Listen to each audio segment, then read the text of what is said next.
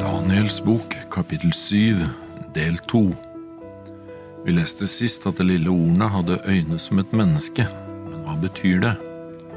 I 1. Samuel 9,9 står det i en gammel tid sa folk i Israel når de gikk av sted for å vite Guds vilje. Kom, la oss gå til seeren, for den som nå kalles profet, kalles i gammel tid seer.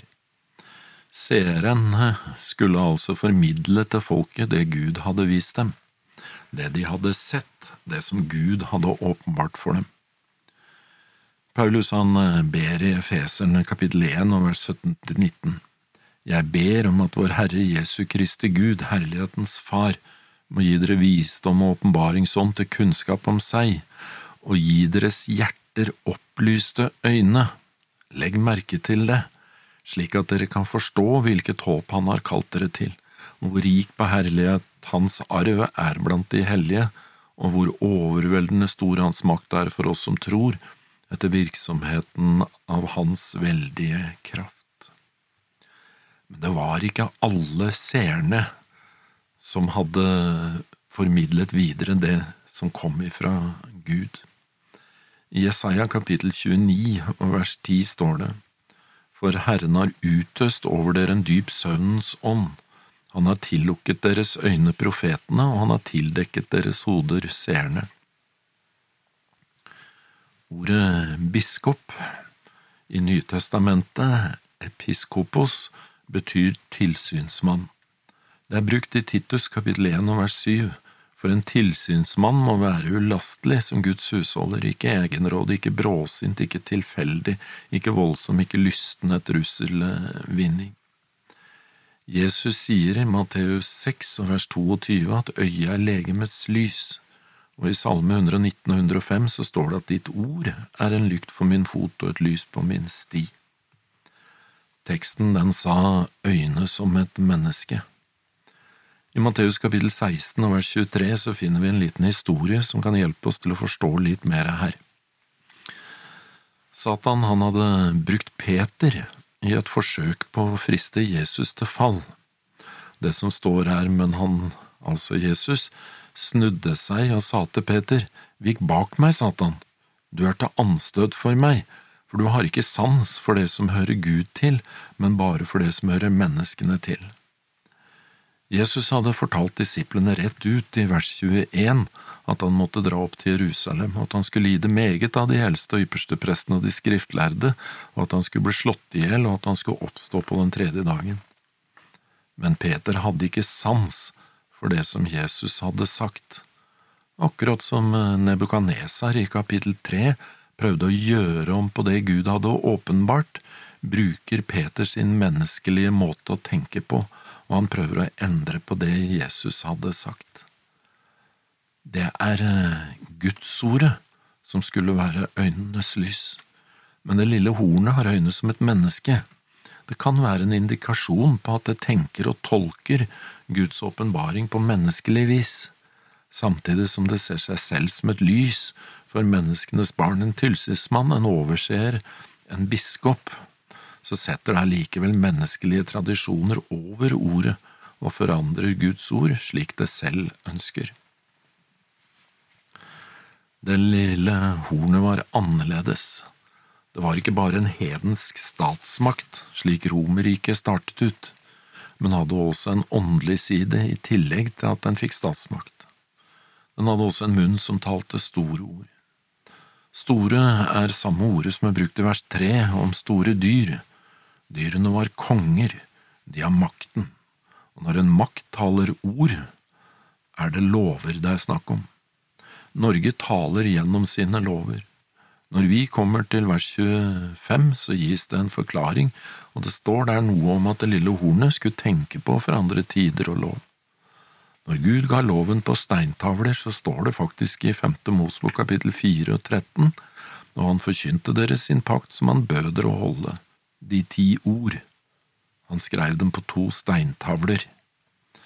Når Gud talte ord, det han altså gjorde, var å gi sin lov. Gud talte også ord ved skapelsen, og det han gjorde da, var å skape.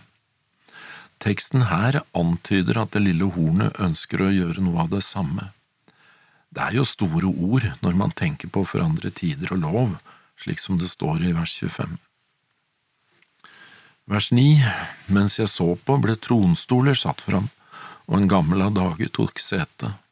Hans klær var hvite som snø, og håret på hans hode var som ren ull. Hans trone var ildslur, og hjulene på den var flammende ild. Det neste som skjer, er altså at tronstoler ble satt fram. Den gamle av dage, det må vel være Vår Herre, det, det er ikke så mange som er eldre enn han. Klærne var hvite som snø, hvitfargen viser oss at han er ren og rettferdig, det er akkurat slik han er. Ren ull er jo en frukt av lammet og symboliserer rettferdighet. Vers 10 En strøm av ild fløt fram foran ham og gikk ut foran ham. Tusen ganger tusen tjente ham, og ti tusen ganger ti tusen sto foran ham. Retten ble satt, og bøker ble åpnet.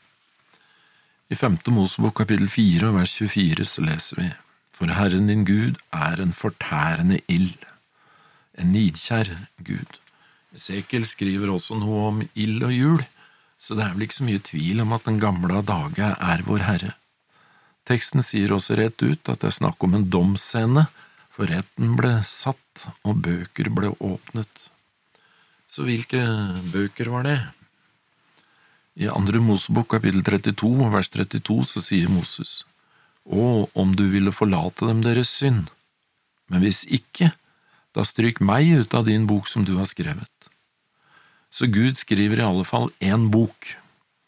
I Daniel kapittel 12 vers 1 står det i slutten av verset, men på den tiden skal alle av ditt folk bli frelst, som finnes oppskrevet i boken. Den er i åpenbaringsboken kalt for Livets bok, og i kapittel 20 og vers 12 ser vi at det også er andre bøker som Gud skriver, og som beskriver menneskenes gjerninger. Jeg så de døde, små og store, stå for Gud, og bøker ble åpnet, og en annen bok ble åpnet som er livets bok. De døde ble dømt etter det som sto skrevet i bøkene, etter sine gjerninger. Jeg synes det er litt godt å lese det, for Gud er ikke en diktator som dømmer tilfeldig. Når retten blir satt, så blir det også åpnet bøker, og det som står i dem, det har å gjøre med våre valg. De åpenbarer våre gjerninger. Målestokken det er Guds lov. Jakob kaller den for frihetens lov i kapittel 2 og vers 12. Jesus sier i Johannes kapittel 12 og vers 47 og 48 om noen hører mine ord og ikke tar vare på dem, så dømmer ikke jeg ham. For jeg er ikke kommet for å dømme verden, men for å frelse verden. Den som forkaster meg og ikke tar imot noe ord, han er den som dømmer ham. Som andre ord så dømmer vi oss selv ved valgene våre. Som det står videre, det ord jeg har talt, skal dømme ham på den siste dagen.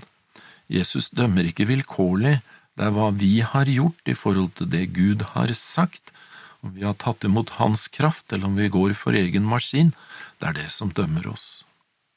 Moses sier i femte Mosbok kapittel 13 og vers 19, Jeg tar i dag himmelen og jorden til vitne mot dere. Livet og døden har jeg lagt fram for deg, velsignelsen og forbannelsen. Velg da livet, så du kan få leve, du og din ett. Valget, det er vårt. I det ellevte verset så står det Daniel ble stående og se på grunn av lyden av de store ordene som hornet talte, og mens jeg så ble dyret drept, og kroppen ble ødelagt og kastet på ilden for å brennes. Jeg ble stående og se. Daniel han er forbauset over det lille hornet og ordene det talte. Selv om ikke det står alt det det lille hornet talte, så tror jeg ikke det er noe rart at Dan ble forbauset. Det som står i kapittel syv her, det er nok til å forbause noen av enhver.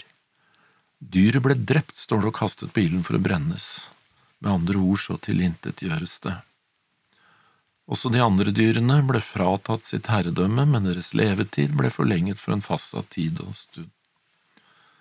Tidene deres som kongerike var nok forbi men det de sto for, hedenskapet, selvopphøyelsen, maktmisbruket, den menneskelige filosofien, skulle leve til fastsatt tid, og jeg tror jo det med andre ord er når Jesus kommer tilbake andre gangen.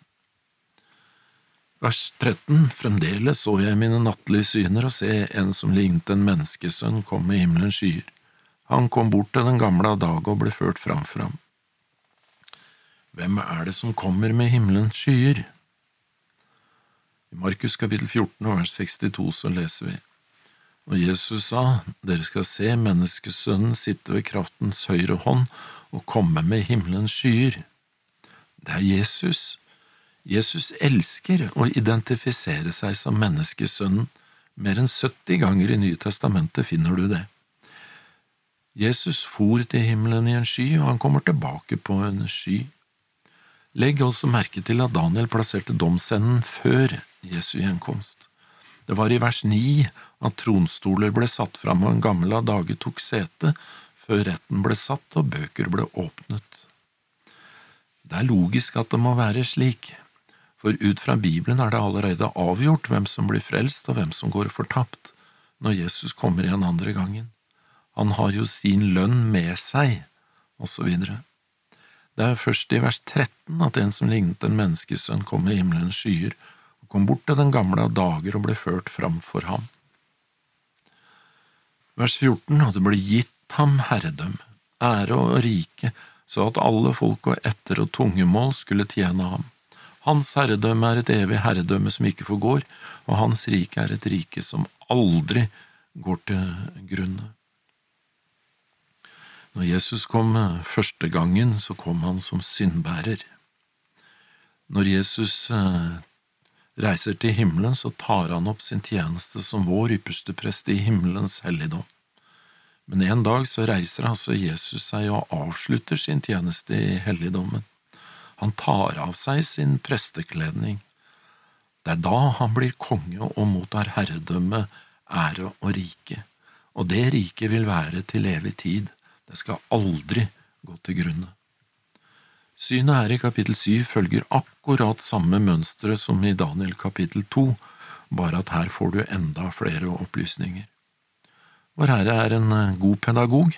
Han gjentar og gjentar og utvider. I femtende verset så står det at jeg, Daniel, ble da urolig i min ånd, og synet i mitt indre forferdet meg.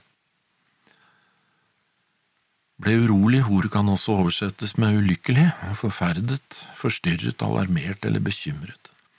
Og det er ikke så rart at eh, Daniel ble forferdet.